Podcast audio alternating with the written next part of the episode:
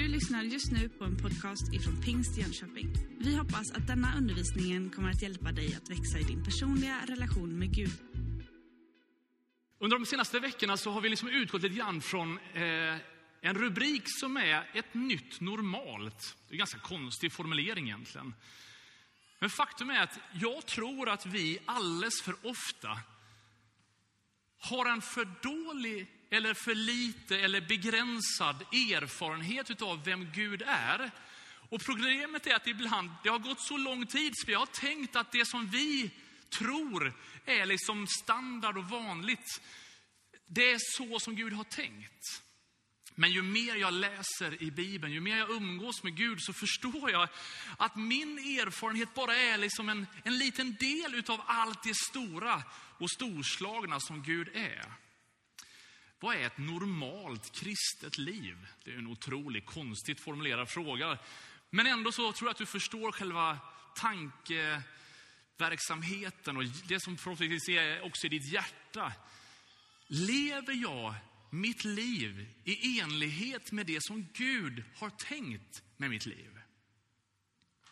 Bibeln gör stora anspråk på varenda människas liv och säger att det finns ingen som är en slump.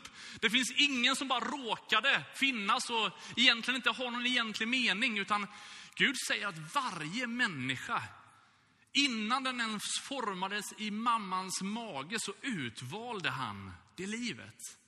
Tänkte, funderade över talanger, gåvor och färdigheter, hur han på olika sätt skulle kunna få både ge sin kärlek till och visa sin kärlek genom den människan. Vi lever i ett land som är oerhört sådär, vi ska på något sätt inte sticka ut. Alla ska vara liksom sin egen och liksom, det är väldigt viktigt att på något sätt inte liksom bara kopiera alla andra. Men man får ändå inte sticka ut, för då blir det jättekonstigt. Utan du ska sticka ut sådär lite lagom. Vi ska ju vara sådär lite tillrättalagda. Ibland så behöver man umgås med människor från andra kulturer för att förstå att liksom, ja, man, man kan prata när man står i kön med den som står bredvid. Eller man, det är okej okay att sitta bredvid någon på bussen som man inte känner och fråga hej. Visst är det skönt väder idag? Alltså man får prata, det får vi svenskar lära oss av andra. Bibeln säger faktiskt i sin sista bok att Gud själv önskar utav varje människa att vi skulle få vara varma kristna. Han säger till och med så här att han tycker hellre att du kan vara en kall, alltså någonstans inte alls har med Gud att göra, än att vara så där ljum, lite sådär både och, kristen ibland, lite sådär. Han önskar att våra hjärtan skulle vara heta, passionerade. Och att någonstans skulle jag önska att den här söndagen att Gud skulle få väcka liv i en längtan i ditt hjärta. Att ännu mer se det som han ser. Och liksom vara med om det som han vill att du och jag ska vara med om. Att det som är normalt för honom skulle få vara normalt för oss. Jesus själv säger i bönen Fader vår att vi ska bedja och i den bönen sträcka våra hjärtan efter att så som i himmelen, så och på jorden. Det är ett ganska stort, stor proklamation. Men faktum är att Paulus beskriver i, första, eller i Fesebrevets första kapitel att han har välsignat oss med all den himmelska världens andliga välsignelser. Alltså allt det fantastiska som finns i himlen vill han ge till alla de som tror på honom och som vill vandra tillsammans med honom. Han vill bara ösa det livet över oss. Så ibland så behöver Marcus Ardenfors fundera över det liv som han själv lever. Hur mycket utav mina erfarenheter präglas utav så som i himlen, så och på jorden. Lika naturligt det är i Guds härlighet vid tronen. Hur härligt är det i mitt eget liv? Tänk om du och jag skulle kunna få leva ett sånt här liv där mina referenspunkter blir lite annorlunda. Att inte bara liksom gissa sig till vad som ska hända i mitt liv, utan någonstans leva i en profetisk skärpa och ton att Gud får tala in i våra liv. Jag pratade med en person häromdagen och hon reser över stora delar av världen och har varit med om väldigt många spännande saker. Nu var hon hemma i Sverige en tid och så berättade hon och sa hon så här att det är lite märkligt, sa hon, för att i somras fick jag vara med om ett enormt mirakel i mitt eget liv här i Sverige. Och det var någon slags sån här tankeuppväckande grej att någonstans inte bara ha tro för saker i Afrika, utan ha tro för saker att Gud faktiskt verkar här. Det var någon slags sån här, wow, det funkar här också. Som om Gud vore annorlunda i olika länder. Du vet, hans kraft och makt, den spänner över hela jorden. Han har alla möjligheterna. Tänk om du och jag skulle kunna leva i det där äventyret lite mer. Det längtar jag efter. Jag vet inte vad du längtar efter, men jag längtar jättemycket efter det. Att det som Bibeln säger är normalt. Att när vi lägger händerna på människor som är sjuka så ska vi kunna få be en trons bön över deras liv och de ska få bli helade. Och jag bara ropar till Gud, låt det få hända mer.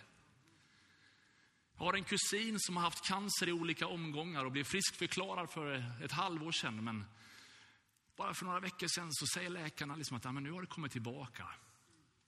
Du vet, man bara säger, vad Gud, så som i himlen. Det är liksom inte min prestation eller hennes prestation, utan Gud, det är ditt löfte. Låt det få hända nu. Vi skulle kunna ge många exempel på det som är naturligt hos Gud.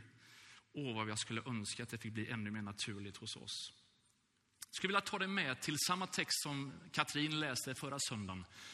I Matteus evangeliet kapitel 4 för dig som har med Bibeln. Då ska vi läsa samma sammanhang, ta några andra infallsvinklar på hur det här nya normala livet, som borde vara självklart, borde vara någonting som präglade oss ännu mer, skulle få liksom ta fäste. Jag tror att det finns några saker i den här texten som du och jag faktiskt kan förändra och göra så att vi kommer mer i takt med det som är på Guds hjärta. Vi läser tillsammans. När Jesus vandrade längs Galileiska sjön såg han två bröder, Simon som kallas Petrus och hans bror Andreas. De stod och kastade ut nät i sjön för de var fiskare. Han sa till dem, kom och följ mig så ska jag göra er till människofiskare. Genast lämnade de näten och följde honom. Han gick vidare och såg två andra bröder, Jakob, Sebedaios son och hans bror Johannes. De satt i båten med sin far Sebedaios och gjorde i ordning sina nät. Han kallade på dem och genast lämnade de båten och sin far och följde honom. I den sista meningen så uppenbaras det som händer när Guds röst möter oss. Hur Gud kallar på oss. Och ibland så har vi någon slags självbild av att Gud gärna kan få tala, eller Gud kanske talar, men inte till mig. Alltså, vem är jag? Alltså, hur skulle jag kunna... Evangeliets hälsning är att oberoende av dina erfarenheter, oberoende av vilken släkt du har fötts in i, oavsett hur ditt bankkonto ser ut, oavsett hur din, liksom, ditt CV är skrivet, så säger han bara, jag älskar alla. Och alla de som vänder sig mot mig ska jag liksom, liksom famna och vända mig till. Och faktum är att han kallar på varenda en utav oss. Och han säger, vi är nära de här instrumenten här. Det ingår i min liksom planering för att du ska hålla dig vaken så att du inte ska somna till. Men du vet att du och jag skulle förstå att vi är kallade utav Gud. Att han har ett ärende till dig och mig. Och att det är inte bara en kallelse som gäller att, aha, är du en sån här som ska bli pastor eller missionär? Eller, vad, liksom, och så har vi begränsat vad, vad det handlar om. Här märker vi att kallelsens kärna är kom och följ mig. Du är kallad till gemenskap med Kristus. Sen att den gemenskapen gör någonting med oss, det där liksom varandet i honom gör att vi förändras. Men det är inte vi som på något sätt ska göra massa saker för att förtjäna honom. Jesus säger apostlärningarna till sina lärjungar precis innan han stiger upp och sätter sig på tronen att ni ska få kraft när den heliga ande kommer över er. Och ni ska vittna om mig över hela världen. Och jag tycker det är så underbart att vi ska vittna om honom. Så jag behöver liksom inte vara stark och hans vägnar. Att nu ska jag försöka få honom att se lite bättre ut. Så om jag bara liksom gör lite på så här, mitt sätt och försöker fixa till det så kommer Gud att se bättre ut. Utan jag kan bara slappna av. Det handlar inte om mig. Jag behöver bara berätta om vem han är, vad han kan och vad han vill, vad som är på hans hjärta. Och så får jag bara liksom säga att, ja, Gud, det är du. Så när jag ber för en människa som är sjuk så behöver jag inte känna så här, är det jag som har liksom så här helande händer? Fick frågan av en för ett tag sedan som sa, är du en sån där som healar folk? Jag bara, vad menar du? Liksom. Jag ber gärna för människor som är sjuka. Jag tror på en Gud som kan göra under. Men om du sätter ditt hopp till att det är mina händer, ah, du vet. Det här är småbarnsfamiljs händer, du vet, det är allt möjligt kladd på dem. Nej, jag brukar tvätta dem ordentligt. Men du vet, Gud är en stor Gud som kan göra stora ting. Tänk vilken vila det skulle innebära i din tro och i ditt liv. Om du verkligen kunde känna, jag är kallad till Kristus. Att liksom bara få känna, det handlar inte om mig, att jag ska göra mycket. Satt med en god vän. Han hade väldigt många tankar om Gud. Och efter vårt samtal en stund så säger han så här, Markus, jag tycker det är så svårt. Alltså, jag har hela mitt liv trott att på grund av att om jag kan leva upp till massa religiösa regler, då kommer jag kunna vara en kristen. Men eftersom jag vet att jag aldrig kommer kunna leva upp till de här religiösa reglerna, så har jag tänkt att kristen tro är ingenting för mig. Det var ganska gott att få säga till honom, du, de där religiösa reglerna som vi inte kan leva upp till, det kan inte jag heller. Va, du är ju pastor. Absolut. Men jag älskar det där korset. För den säger till mig att Markus, det handlar inte om din förträfflighet och därför förtjänar du detta. Utan han har gjort någonting i mitt liv som gör att jag försöker leva enligt med hans vilja. Jag vill att liksom mitt liv ska ära honom. Men det är liksom inte på grund av att jag lyckas som han älskar mig. Kanske är du här idag som försöker vara religiös. Det är liksom ganska svårt att försöka. Och försöka liksom vara på ett särskilt sätt. Himlens hälsning är kom. Liksom möt Kristus och låt hans liv få förvandla dig. Fokusera inte så mycket på allt det som har med dig att göra. Titta på honom och tacka att han tar emot dig. I det här kallelseögonblicket som de här fyra lärjungarna är med om så finns det två ord som på något sätt provocerar mig väldigt mycket. På något sätt så inser jag att deras sätt att hantera den här situationen är lite annorlunda än min. Och kanske är det så att den är annorlunda än din. Där kommer de, de sitter i sin båt, de håller på med det som de är duktiga på. Och så kommer Jesus och kallar på dem. Och så står det att genast lämnar de sina nät. Här håller de på och gör någonting som de har gjort massor med dagar av sitt liv. Det här är deras profession, det här är deras försörjning. Det här är så mycket deras liv. Och när Jesus säger bara kom, jag vill att ni ska följa mig, lämna det ni håller på med, nu ska vi liksom göra detta. Så är de där direkt och säger absolut, vi gör det här. Det där ordet genast jag vet inte hur du är när du hur du reagerar på liksom Guds tilltal eller det som skulle kunna vara andens viskningar. När du får en känsla att Gud vill någonting med ditt liv, hur du och jag reagerar. Ibland så kan jag känna att jag får en tanke i mitt, liksom så att jag ska nog ringa till honom eller henne.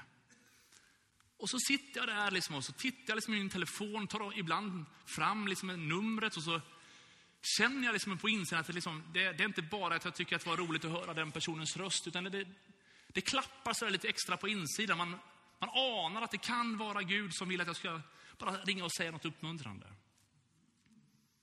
Men då kan jag sitta och argumentera lite. Så, ah, nej, det är nog bara jag. Ah, har har inte hörts av på jättelänge. Ska jag, ska jag ringa nu? Det är liksom, det känns ju helt hur ska jag säga hej? Vi umgicks jättemycket för sju år sedan. Nu så tänkte jag, eller vart börjar man? Och så sitter man och liksom argumenterar lite grann. Och ibland så har jag nästan svårt att trycka på den där gröna knappen av ring. Så har ju du aldrig känt. Du är en sån där Herrens lärjunge som genast responderar. Men det jag märker är att jag har svårt att lita på att det Gud säger är på riktigt eller att det jag känner verkligen är Gud. Tänker på allt som skulle kunna gå fel. Är jag verkligen rätt person? Borde inte Mattias be för den här? Han är ju lite heligare än jag. Kan inte liksom, då kanske helandet kommer snabbare. Är det verkligen rätt tillfälle? Det kan ju vara liksom mötet är slut och liksom folk börjar gå till kyrkan. Ska vi verkligen ska vi be mer nu? Eller, hur, eller liksom, men ska vi verkligen göra? Och så kan man ha liksom en argumentation. Det jag förstår när jag liksom läser den här texten lite noggrant, det är att det där ordet genast verkligen står för det som det står för. Att det är en omedelbar reaktion där man liksom så snart som det bara går gör det möjligt. Man är liksom angelägen att det här ska hända. Hemma hos mig så har vi tre stycken som är på tillväxt av att lära sig hur man lever sitt liv. Av att ta ansvar och att städa sitt rum och fixa och trixa med en del saker. Min fru skulle säga att det finns fyra som är på tillväxt, men jag tycker att det är tre. Och någonstans där så bara försöker man säga och ganska ofta så får man svaret, jag gör det sen pappa. Det jag har förstått är att det där sen ganska snabbt kan ätas upp av lite tid med studsmattan eller lite det här och lite det här. Och efter en stund kan jag fråga, hur blev det nu med det där? Och, ja, just det, det har jag glömt bort. Och precis så är det med mig i min kristna vandring. När jag inte riktigt följer de där signalerna, när jag inte lär mig att lita på de där stegen och ta de där kliven, så är risken uppenbar att ingenting händer. Så att det där nya normala som vi på något sätt skulle vilja sträcka oss efter, vi kan ibland bedja om och vi kan liksom säga Gud, det här vill jag. Jag gör liksom inte riktigt någonting med det. Och mina gamla rutiner äter upp de nya. Om du följer med till fjärde Mosebok ska vi läsa ett ganska långt sammanhang från Israels folk som är på väg ut ur Egyptens land. De är på väg ut ur slaveriet in i löfteslandet. Och där så får de en hjälp från Gud själv, en månstod och en eldstod som ska vara deras GPS på den här vandringen. Så att de ska veta vart de ska ta vägen. Fjärde Mosebok kapitel 9 från vers 15. På den dagen då tabernaklet sattes upp övertäckte månskyn tabernaklet, vittnesbördets tält. Från kvällen till morgonen var den täckt över tabernaklet och den såg ut som eld. Så var det alltid. Månskyn övertäckte det och om natten såg det ut som eld. Så ofta månskydd höjde sig från tältet bröt Israels barn upp och på den plats där månskydd stannade slog Israels barn läger. På Herrens befallning bröt Israels barn upp och på Herrens befallning slog de läger. Så länge månskyn vilade över tabernaklet iakttog Israels barn det Herren befallde dem och bröt inte upp. Ibland stannade månskyn över tabernaklet endast några få dagar. På Herrens befallning låg de då kvar i lägret och på Herrens befallning bröt de sedan upp. Ibland stannade månskyn endast från kvällen till morgonen. När månskyn höjde sig på morgonen bröt de upp. Om månskyn stannade en dag och en natt bröt de upp när månskyn höjde sig. Om månskyn stannade två dagar eller en månad, eller om månskyn blev kvar en längre tid över tabernaklet, så låg Israels barn stilla i läger och bröt inte upp. Men när den höjde sig bröt de upp. På Herrens befallning slog de läger och på Herrens befallning bröt de upp. Det följde Herrens påbud i enlighet med Herrens befallning genom Mose. Det är mycket bryta upp och bryta ner, eller, eller bryta upp och gå vidare. Bryta, ställ, liksom, slå upp sitt tält, packa ihop sitt tält.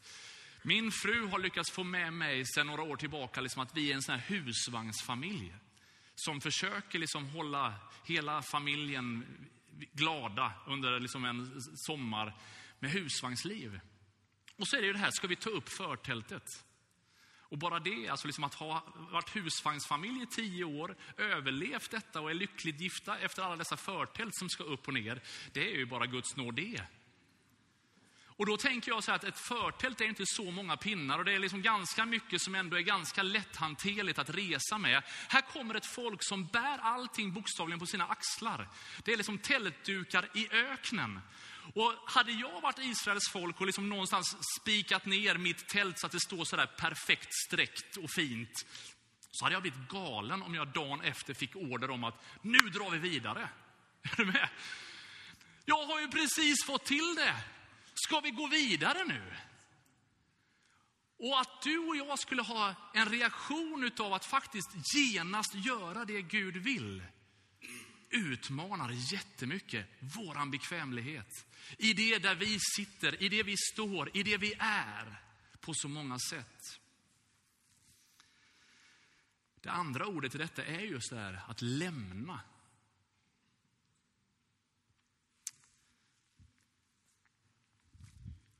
De lämnade sina nät. Ibland så händer det att man går genom livet med alla möjliga saker.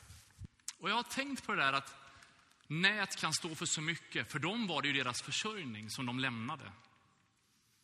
Men jag tänker att nät kan ju vara någonting man fastnar i, någonting man inte kommer loss ur. Och någonstans så är det som att vi, liksom, vi går med upptagna saker. Vi håller på och bär på massa saker i våra liv. Och vi liksom känner så här, vi längtar efter att Gud skulle få befria oss.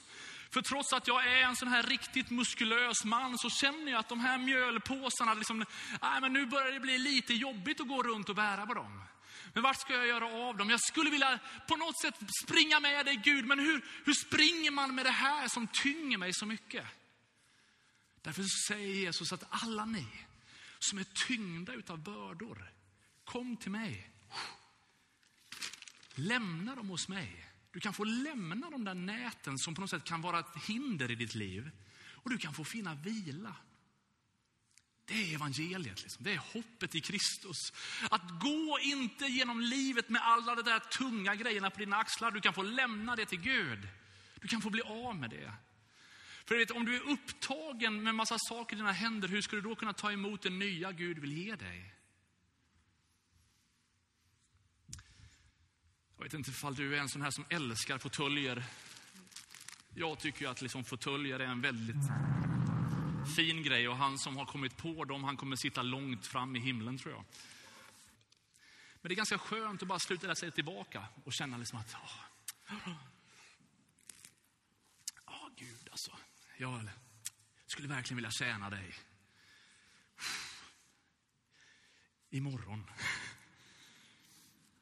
Och jag bara, här i min fåtölj så kan jag liksom, jag kan ju öppna en, en liksom ostbågepåse och så kan jag liksom känna liksom hur, åh, vad härligt livet är. Varför ska jag gå hem till min granne som har det lite tufft? Jag har ju det så skönt här. Alltså det, det är bättre liksom att bara ta det någon annan dag när det passar lite bättre.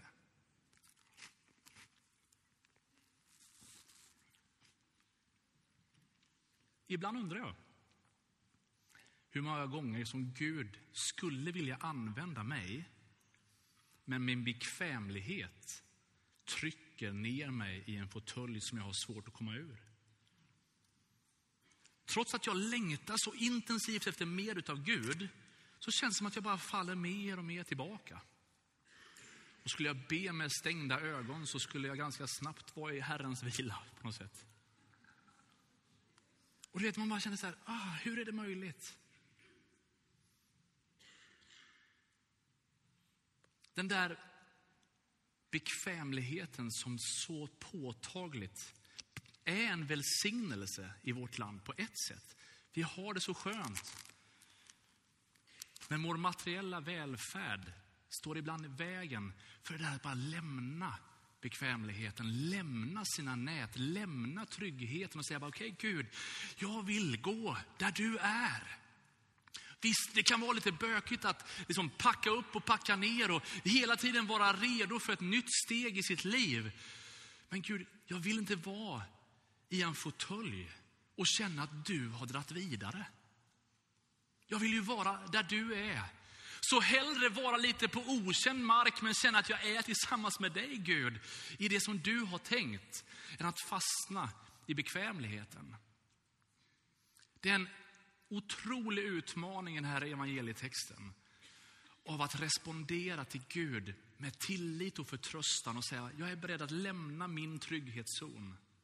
Jag är beredd att ta ett kliv ut här och säga, okej, okay, vi har precis börjat en ny klass på högskolan som student och du känner bara så här, jag försöker liksom bara smälta in här ett tag. Ska jag, ska, är det verkligen läge att nu säga eller göra eller liksom det där?